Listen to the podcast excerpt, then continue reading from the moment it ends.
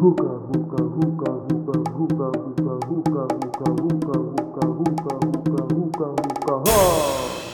Seolah podcast.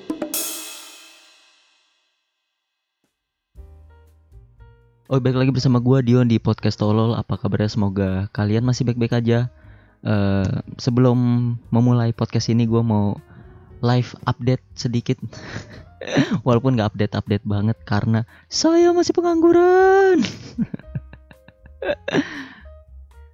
Ini bener, Cok. Bokap gua tuh udah nanyain terus kayak udah dapat kerjaan belum ya om wisuda aja belum wisuda belum udah dituntut cari kerja ya begitulah tuntutan ekonomi rendah.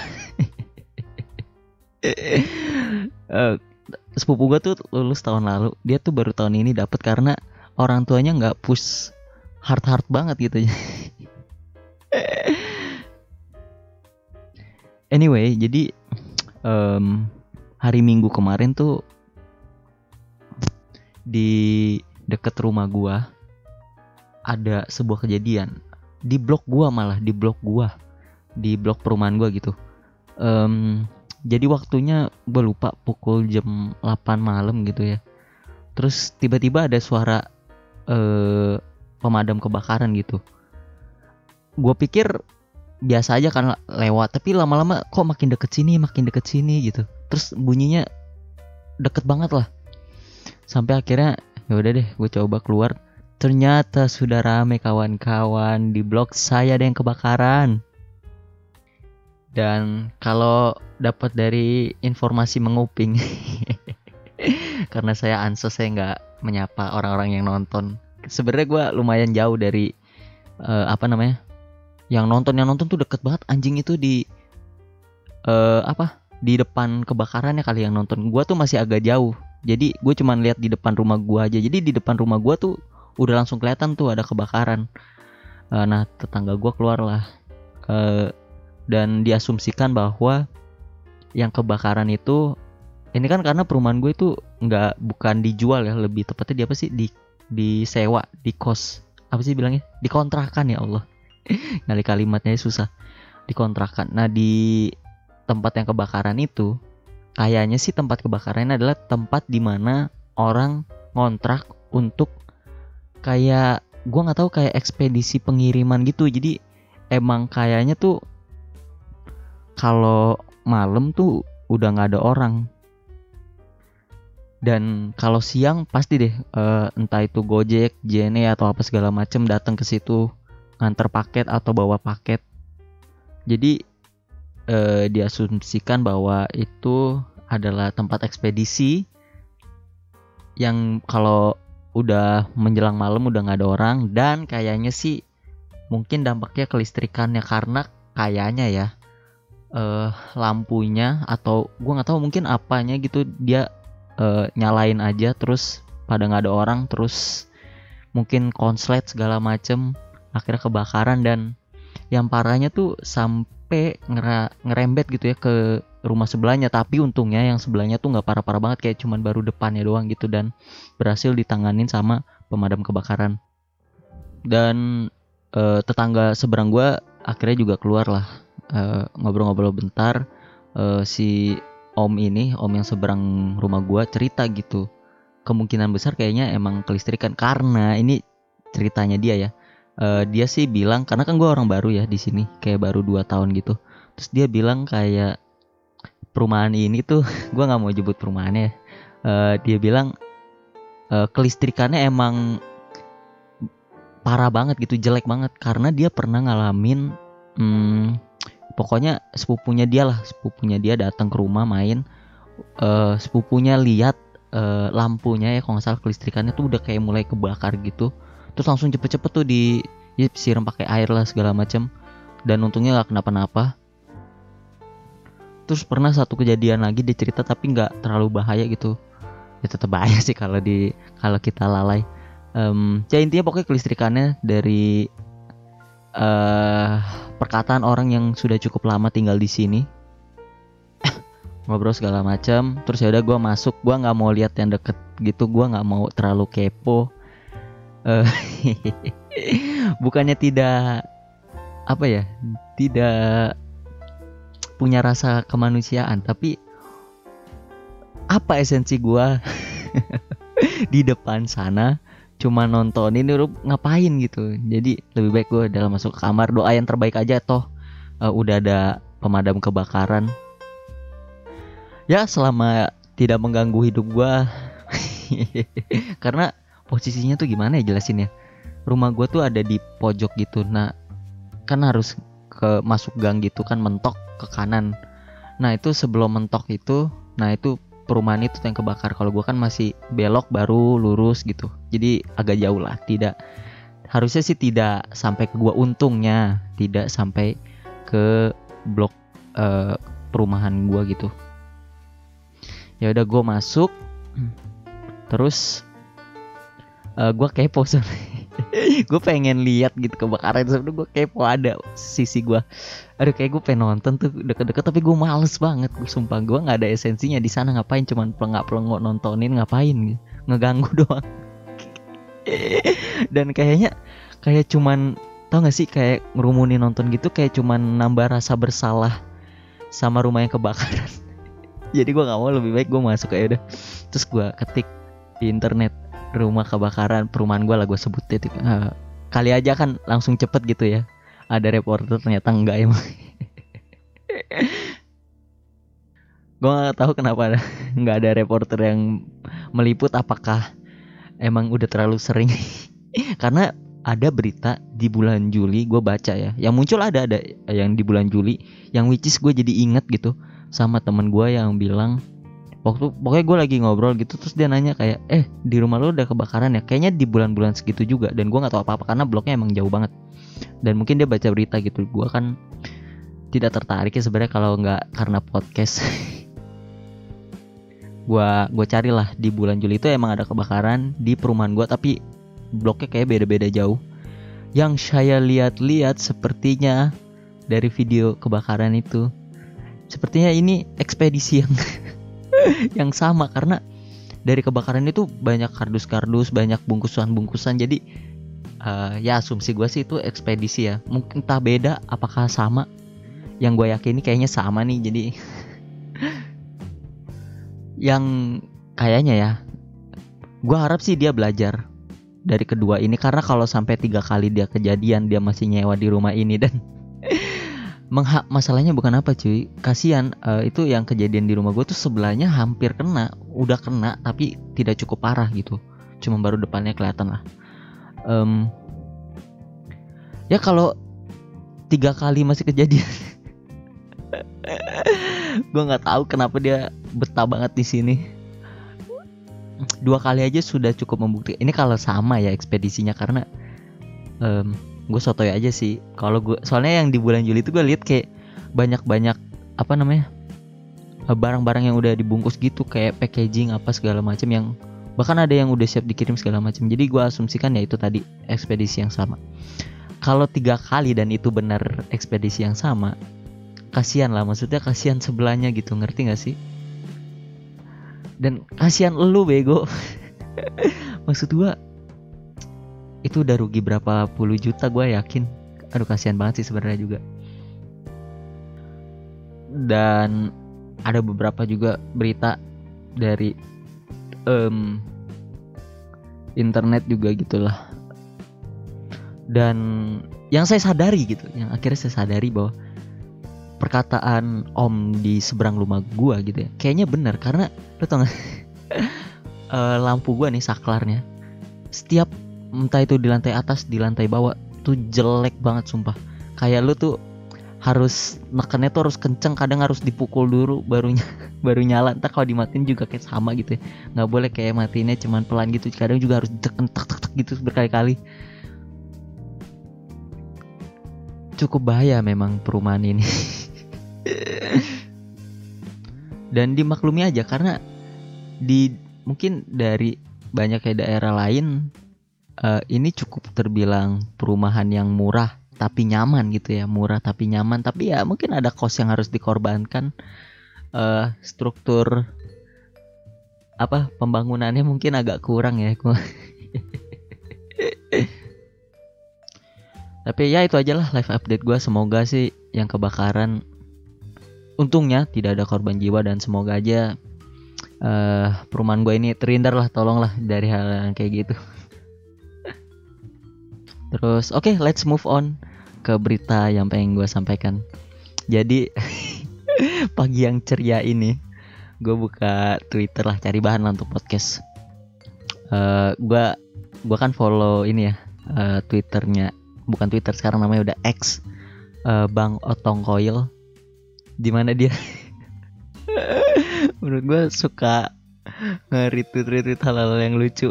Jadi eh, dia retweet akun yang ngepost namanya eh, nama apa sih username-nya ya? KC terus nama username-nya konjugasi. Oh sorry. Dia tuh kayak nge-reply reply ya bahasanya. Nge-reply posan orang namanya masih kasar Eh, yang dia post si akun masih kasar ini ngepost eh, seorang caleg DPR RI Dapil Jabar 7 yang bernama Yolanda Tamara SE SE itu apa ya? Sarjana ekonomi. Gua nggak tahu gua nggak tahu. Eh, SE ya kayak seja kayaknya sarjana ekonomi sih lulusan sarjana ekonomi gitu. Yolanda Tamara SE caleg DPR Eh, terus si konjugasi ini akhirnya nge- nge-replay gitu dengan bahasa yang sangat-sangat halus yang akan saya bacakan. Dia bilang ini pakai caps lock semua. Kontol, kuliah kerjanya cabut, masuk kelas jarang, jadi free rider di kelompok orang tiba-tiba nyalek, bener-bener asu. Kayaknya itu udah kayak apa ya? Em, rasa sebel yang udah bertahun-tahun ditambah rasa iri yang mungkin anjing orang ini di kerjaannya cabut mulu tapi dia mau apa ya istilahnya mungkin bisa lebih sukses gua nggak tahu makanya dia kesel ngetik ini yang kayaknya ya gua sih bisa bilang valid omongan dia bahwa dia eh, omongan dia bisa dipertanggungjawabkan karena kejadian itu emang bener ada. Dia pernah sekelas sama orang ini si Tamara ini dan kerjanya cuma cabut. Karena tadi gue sempat baca-baca juga ada yang kayak akhirnya orang-orang yang mungkin nggak bisa ngomong secara langsung itu keluar semua di replayannya itu.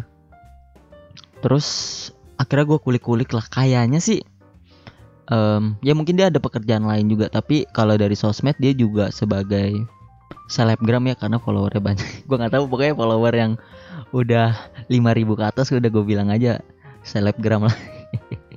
Kayak tadi gue sempet ada endorse juga gue nggak tahu. Em, lucu banget anjing itu lucu banget sumpah.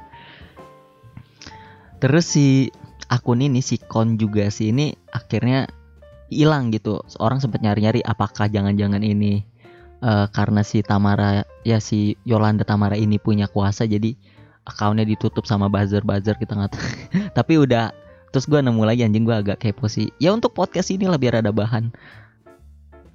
Eh dia eh, klarifikasi bahwa dia bukan akunnya bukan di apa namanya di shutdown gue nggak tahu bahasanya apa ya lupa gue anjing udah lewat.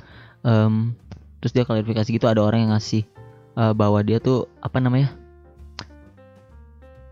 cuman lagi tutup account sementara aja gitu karena dia nggak kuat nahan banyaknya eh cacian-cacian si wanita ini dan dia nggak mau masalah ini semakin melebar makanya dia tutup sebenarnya ya cuman ngungkapin kekesalannya aja gitu. Terus ada klarifikasinya lagi. Dia ngobrol sama temannya lagi gitu yang akhirnya nyebarin eh, kabar inilah kabar bahwa si konjungsi ini eh bukan ditutup akunnya tapi lebih ke nggak mau cari masalah. Makanya dia tutup akunnya sementara. Di chat itu dia bilang kayak mungkin dia juga ngerasa anjing gua nggak mau nih ngelebar karena dia gue yakin dia juga nggak bisa ngehandle nya gimana nanti kalau harus ketemu sama buzzer-buzzer yang ngancem dia nggak kuat. Sampai harus keluar kata-kata kayak eh, di chatnya itu ya em gue percaya. Pokoknya intinya dia bilang dia percaya sama second second apa? Second change kesempatan kedua bahwa mungkin dia eh, si cewek ini yang dia Yolanda ini yang dia caci maki. Karena fakta em, punya kesempatan kedua dan dia yakin eh, cewek ini bisa berubah gitu. Karena ya itu tadi mungkin dia takut takut lah sama buzzer-buzzer segala macem. Terus akhirnya si Yolanda ini karena sudah sampai Yolandanya ini sampai diserang-serang anjing. Lucu sekali. Tapi emang bukannya lembaga kita seperti itu isi orangnya numpang nama numpang. Tapi gue tuh pernah nonton ini kan kontennya Panji bahwa ya gue asumsikan si Yolanda ini eh selebgram lah ya bisa dibilang selebgram walaupun mungkin ada background eh, sarjana ekonominya. Bahwa selebgram itu ya cuman dipakai tubuhnya aja gitu untuk menyuarakan. Jadi kalau dia nggak punya skill pun nggak apa yang penting dia punya suara itu kan yang terpenting dari eh masalah mengambil jabatan-jabatan negara. Terus kayak pan eh bener nggak sih? Gua nggak tahu lah. Maaf ya kalau salah tapi kayaknya pan kan yang paling banyak artisnya. Emang lu nggak ragu apa milih pan? Coba isinya komedian artis-artis yang mungkin nggak ada latar belakang sama politik gitu. Terus ada komenan lucu ini gua nggak tahu eh, kayaknya ini oh ini dari si uh, repostannya Otong Koil ini lucu banget ada yang komen gini Orang yang menghina dan menjelekkan Yola, mungkin dia belum ketemu langsung. Sebaik dan sehambal itu, dia sama orang baru. Maksud gua, kenapa orang baik jadi patokan? Eh, mungkin ini udah bukan Yola, tapi opini ini tuh salah. Maksud gua, lu kebanyakan nonton film anjing. Lu tau gak sih yang kayak penjahat, ngaku-ngaku penjahat anjing goblok banget sih lu maksud. Mana ada penjahat ngaku Lu kebanyakan nonton film, bener dah koruptor emang kurang baik apa? Coba bisa nyumbang puluhan juta ke panti-panti coba. Kurang baik apa? Ketemu dia nyapa salam. Ayolah, jangan jangan terlalu kemakan lah. Gue gue nih emang goblok gitu ya. Gue nggak naik kelas segala macam nilai gue selalu kadang lebih sering di bawah rata-rata kadang juga pas-pasan nggak pernah yang memuaskan orang tua. Gue gue ngerti gitu. Tapi gue masih gue masih punya akal gitu. Terlalu banyak nonton tuh. Ya ya itu menarik sih maksud gue penjahat di dunia nyata tuh tidak terlihat seperti penjahat guys. Dia tuh kamuflase ayolah tolong. Itu penjahat kelas atas ya kayak gitu. Kalau penjahat kelas kakap ya dia harus perlu dinotis dulu bahwa dia penjahat. Ini tapi gue disclaimer dulu. Tadi gue udah bilang ya sempat bilang bahwa ini udah terlepas dari Yolan. Gue cuman ngomongin statement ini aja. Statement yang tadi dia bilang bahwa enggak kok orangnya baik gitu. Ataupun mungkin kasus-kasus yang kayak sering kita lihat kayak koruptor gitu atau bahkan bahkan teroris gitu ya kan kalau di kan ya dia baik ya nggak mungkin dong dia ngerakit. Ngerakit bom ditunjukin warga. Nih bu saya lagi rakit ya loh. Kecuali warganya emang teroris semua. Itu mah namanya adu skill bangsat. Terus kayak udah ya. Nah mungkin balik lagi ke si Yolanda ini. Biar tetap ya paling nggak penutupannya masih nyambung sama pembukaannya lah dan sekali lagi untuk menetralkan gitu ya. Jadi uh, menetralkan podcast ini yang mendeklar bahwa kita akan ngejokes ke mana pun arahnya yang penting lucu. Kita akan uh, ada di posisi Mbak Yolanda sekarang bahwasannya adalah positive thinking. Ya itu cara paling gampang positive thinking. Bahwa mungkin dia sering bolos uh, dia kan lulusannya sarjana ekonomi ya. Mungkin dia bolos uh, pelajaran-pelajaran tentang ekonomi karena dia uh, sibuk dengan urusan partai-partai. Jadi misalnya dia ambil kuliah tapi karena dia sering bolos tuh bukan karena dia males kuliah enggak. Tapi dia sedang mempelajari karena dia tahu arah hidupnya mau ke mana. Gue ngomong udah mulai ngaco nih. Ya tapi gue harap lu tahu poinnya. Bolosnya tuh bukan bolos mabuk-mabuk enggak. Hangout enggak. Gue percaya pasti dia sedang menekuni uh, bidang lain karena dia pengen mencalonkan ini. Yakin gue yakin. Harusnya mungkin dia sarjana politik ya. Salah ambil mungkin dia. Keluar juga udah nggak enak kan. Nanti ma bapaknya kamu udah biaya mahal jadi lebih baik dia tetap lanjut kuliah tapi di sisi lain dia juga sambil belajar eh, dunia politik. Nggak ada yang tahu nggak ada yang tahu Eh, sekian eh, podcast gua kali ini gua mau berterima kasih sama bang Otong Koil yang sudah ngepost Em, posan orang lain yang menurut gue lucu banget karena gue jadi ada bahan untuk podcast. Udah gue segitu aja. Eh, poinnya adalah di sini cuman mau ngelucu. Gue gua nggak tahu Yolanda Tamara itu siapa. Gue nggak tahu si temennya ini siapa. Gue nggak sampai kulik segitu. Dan apa pun yang terjadi di dunia politik kita, semoga yang terbaik anjing sosok sosok bijak gini anjing anjing. Dan yang terbaik untuk Kak Yolanda ini semoga beneran berubah, nggak cuma numpang nama doang.